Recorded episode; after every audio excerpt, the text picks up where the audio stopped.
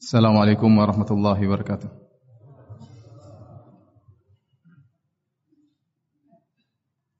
إن الحمد لله نحمده ونستعينه ونستغفره ونتوب إليه ونعوذ بالله من شرور أنفسنا ومن سيئات أعمالنا. من يهده الله فلا مضل له ومن يضلل فلا هادي له. وأشهد أن لا إله إلا الله وحده لا شريك له. وأشهد أن محمدا عبده ورسوله لا نبي بعده. يا أيها الذين آمنوا اتقوا الله حق تقاته ولا تموتن إلا وأنتم مسلمون. يا أيها الناس اتقوا ربكم الذي خلقكم من نفس واحدة وخلق منها زوجها وبث منهما رجالا كثيرا ونساء واتقوا الله الذي تساءلون به والأرحام إن الله كان عليكم رقيبا. يا أيها الذين آمنوا اتقوا الله وقولوا قولا سديدا يصلح لكم أعمالكم ويغفر لكم ذنوبكم ومن يطع الله ورسوله فقد فاز فوزا عظيما. أما بعد فإن أصدق الحديث كتاب الله وخير الهدى هدى محمد صلى الله عليه وسلم وشر الأمور محدثاتها وكل محدثة بدعة وكل بدعة ضلالة وكل ضلالة في النار معاشر المسلمين أوصيكم ونفسي بتقوى الله فقد فاز المتقون Al-Imam Muslim meriwayatkan dalam sahihnya dari Abu Hurairah radhiyallahu taala anhu bahwasanya Nabi sallallahu alaihi wasallam bersabda, "Bainama rajulun falatin min al-ardi fasami'a sautan fi sahab isqi hadiqata fulan." Tatkala ada seseorang berjalan di salah satu tanah terbuka di atas muka bumi ini, tiba-tiba dia mendengar ada suara di arah awan yang suara tersebut berkata, siramilah wahai awan siramkanlah hujanmu kepada kebun si fulan fatanah hasahabu maka awan pun bergerak ke arah tertentu fa afraga ma'ahu fi harratin tiba-tiba awan tersebut mencurahkan airnya di sebuah harra harra adalah tempat yang penuh dengan bebatuan fa idza syarjatun min tilka syiraji qad istau'abat dzalikal ma'u kullahu. Tiba-tiba air tersebut turun di salah satu selokan atau saluran-saluran air yang ada di harrah tersebut. Kemudian mengalirlah air tersebut. Fatatabba alma, maka orang ini penasaran. Dia pun mengikuti ke mana larinya arah air tersebut. Terus dia dia ikuti arah air tersebut. Fa idza rajulun qa'imun fi hadiqatihi yuhawwilul ma' bimishatihi. Tiba-tiba dia mendapati suatu kebun ada seorang sedang berdiri di kebunnya sambil memegang cangkulnya untuk mengarahkan air yang datang kepadanya. Maka dia pun bertanya kepada orang tersebut, "Ya Abdullah, masmuk?" Wahai Abdullah, siapa namamu? Maka orang ini berkata, "Fulan." Lilismi alladhi sami'a fi sahab. Persis namanya seperti nama yang dia dengar dari arah awan tersebut. Maka orang ini bertanya, yang ditanya bertanya, Ya fulan, walima tas'aluni an ismi, wahai fulan, kenapa kau bertanya tentang namaku? Maka orang ini berkata, ya, fa inni sami'tu sautan fi sahabi alladhi hadha huwa ma'uhu yaqul isqi hadikata fulan alladhi huwa ismuk. Aku tadi mendengar di awan ada suara berkata kepada awan, curahkanlah airmu kepada hadikah kebunnya si fulan. Yang fulan tersebut adalah namamu. Mada tasna'u fiha? Apa yang kau lakukan dengan kebunmu? Sehingga ada awan diutus oleh Allah untuk mencurahkan hujan di kebunmu. Maka orang ini berkata, "Amma idza qulta hadza?"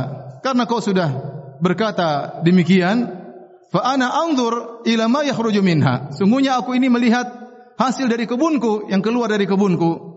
Fa atasaddaqu bi thuluthihi, maka aku bersedekah dengan sepertiga hasil kebunku. Fa aqulu ana wa iyali sulusan dan aku makan beserta keluargaku dari sepertiga hasil kebunku wa aruddu fiha sulusahu dan aku menanam kembali sepertiga hasilnya aku olah kembali untuk aku kembalikan ke kebunku hadis sahih riwayat muslim Ma'asyiral muslimin lihatlah dalam hadis ini bagaimana Allah memberi berkah kepada orang ini yang memiliki kebun bahkan Allah kirim awan khusus untuk menurunkan hujan kepada kebunnya tidak lain kenapa? Karena dia bertakwa kepada Allah Subhanahu wa taala.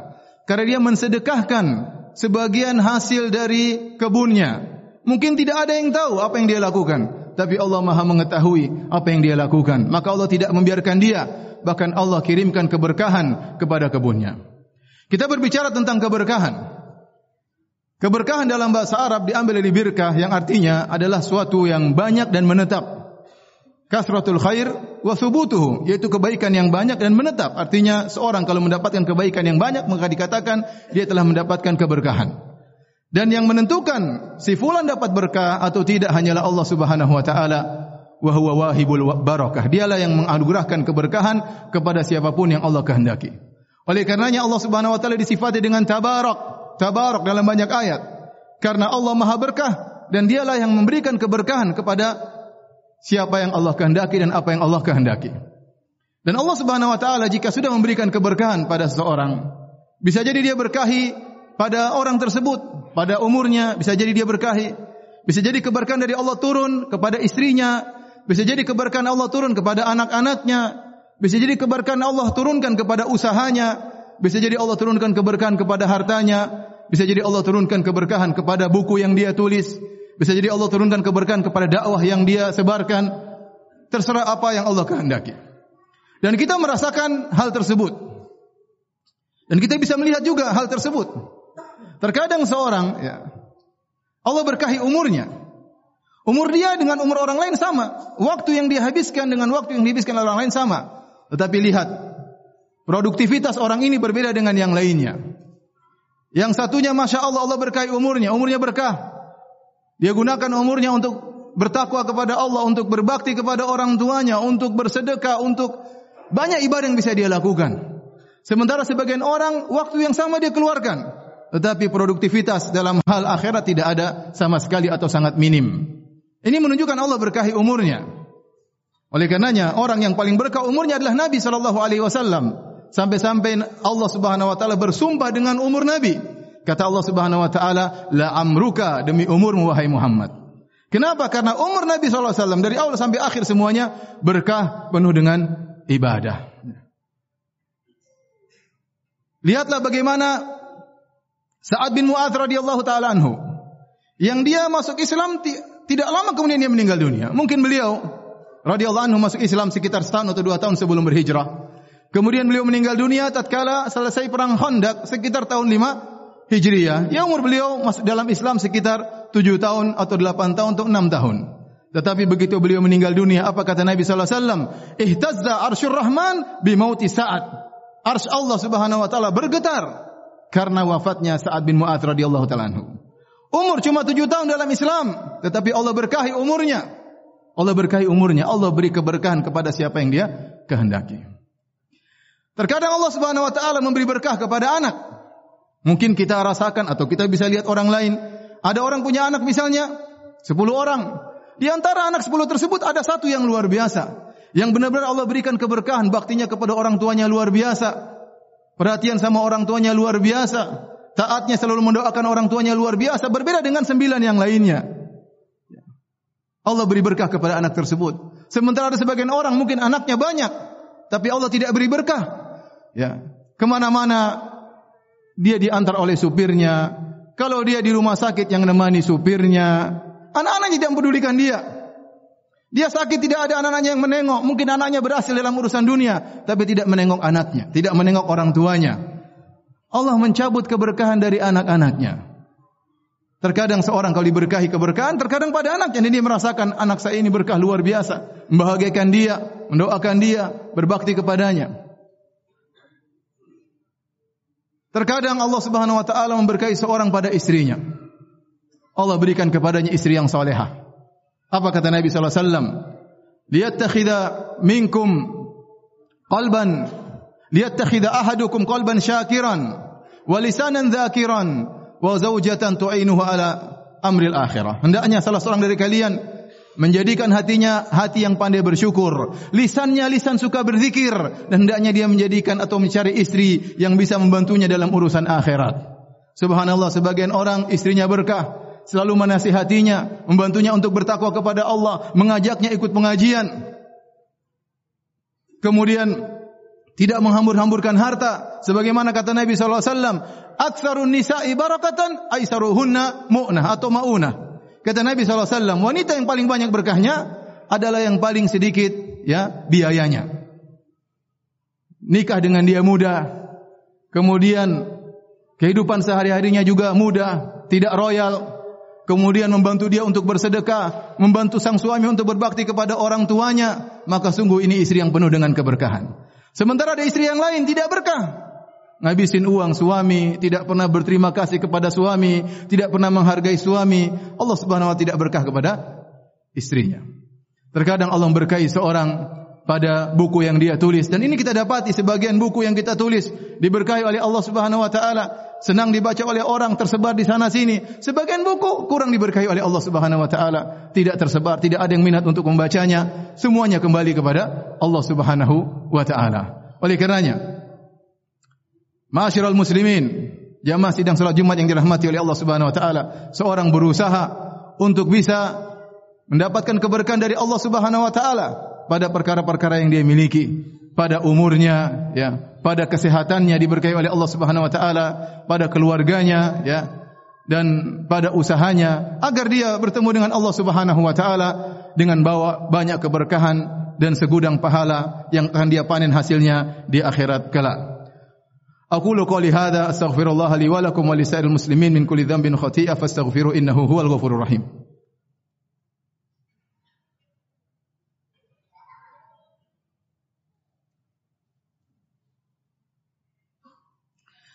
الحمد لله على إحسانه والشكر له على توفيقه وامتنانه وأشهد أن la إله إلا الله li لا شريك له تعظيما لشأنه وأشهد أن محمدا عبده ورسوله الداء إلى رضوانه اللهم صل عليه وعلى آله وأصحابه وإخوانه معاشر المسلمين Bagaimanakah cara seorang bisa meraih keberkahan? Banyak cara untuk mendapatkan keberkahan. Di antaranya sebagiannya yang pertama adalah bertakwa kepada Allah Subhanahu wa taala. Allah Subhanahu wa taala berfirman, Walau anna ahlal qura amanu wattaqau la fatahna alaihim barakatim minas sama'i wal ard. Seandainya penduduk satu negeri beriman dan bertakwa, seandainya mereka beriman dan bertakwa, la fatahna alaihim barakatin, maka kami akan bukakan berkah-berkah untuk mereka dari langit dan di bumi. Jadi di antara cara yang memudahkan seorang mendapatkan keberkahan pada dirinya, pada keluarganya, pada istrinya, pada anaknya, pada usahanya dia bertakwa kepada Allah Subhanahu wa taala. Bahkan Allah berkata kepada para jin dalam surat Al-Jin, "Wa allaw istaqamu 'ala tariqati la asqainahum ma'an ghadaqa." Seandainya mereka para jin istiqamah di atas jalan yang benar, sungguh kami akan berikan mereka ma'an ghadaqan, yaitu hujan yang bercurah yang sangat banyak dan ini ungkapan dalam bahasa Arab artinya rizki yang banyak. Dengan syarat la la awwal la allaw istaqamu 'ala tariqah. Kalau mereka istiqamah di atas jalan yang yang benar, maka tidak diragukan lagi barang siapa yang bertakwa, maka Allah akan berkahi dia pada dirinya dan pada keluarganya dan pada apa yang dia geluti jika dia geluti dengan ketakwaan kepada Allah Subhanahu wa taala. Di antara hal yang membantu seorang untuk bisa mendapatkan keberkahan adalah berdoa kepada Allah Subhanahu wa taala.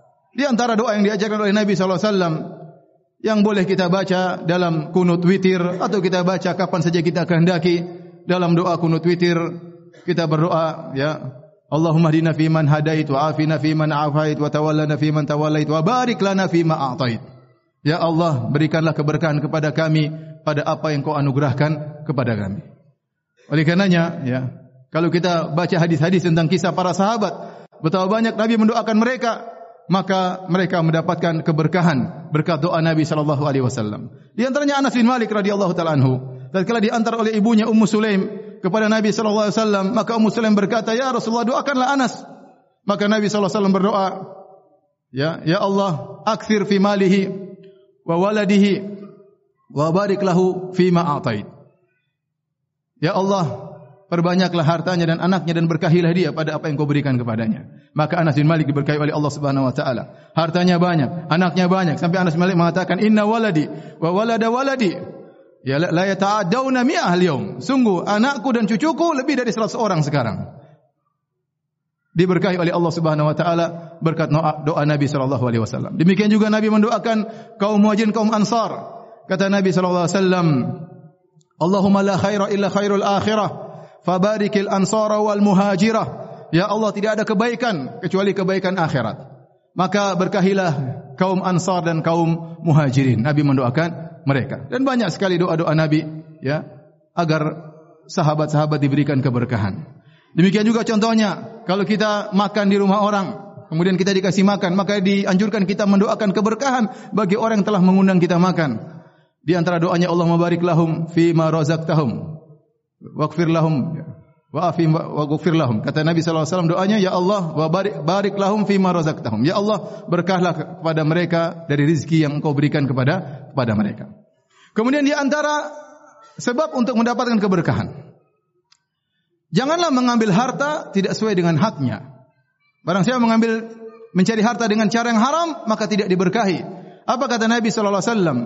Man ya'khudhu malan bihaqqihi yubarak yubarak lahu fihi. Barang siapa yang mengambil harta dengan haknya sesuai dengan cara yang benar, cara yang halal, ya, tidak menzalimi orang, tidak mengambil hak orang lain, maka akan diberkahi hartanya tersebut. Wa man ya'khudhu malan bighairi haqqihi Barang siapa yang mengambil harta tanpa haknya dengan menzalimi, dengan menipu, ya, dan yang lainnya, ya. Apa kata Nabi sallallahu alaihi wasallam? "Famathaluhu kamathalil ladzi ya'kulu wa la yashba." Maka perumpamannya seperti orang yang makan dan tidak pernah kenyang. Dia mengumpulkan harta banyak tapi dia tidak pernah kenyang, tidak pernah puas. Allah cabut rasa puas dari hatinya. Hartanya banyak, kita lihat zahirnya banyak tapi dia tidak pernah puas. Kenapa dia mengambil harta tanpa haknya?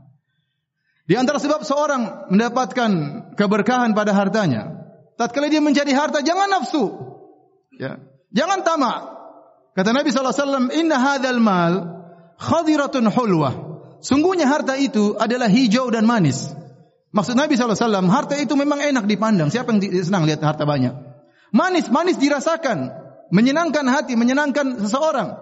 Hijau enak dipandang dan manis rasanya. Tapi Nabi wasallam ingatkan, Faman akhadahu, barang siapa yang mengambil harta, ya, bisa khawatin nafs dengan jiwa yang tidak tamak, tidak rakus kepada harta tersebut, yubarak lahu fihi, maka Allah akan beri keberkahan kepadanya.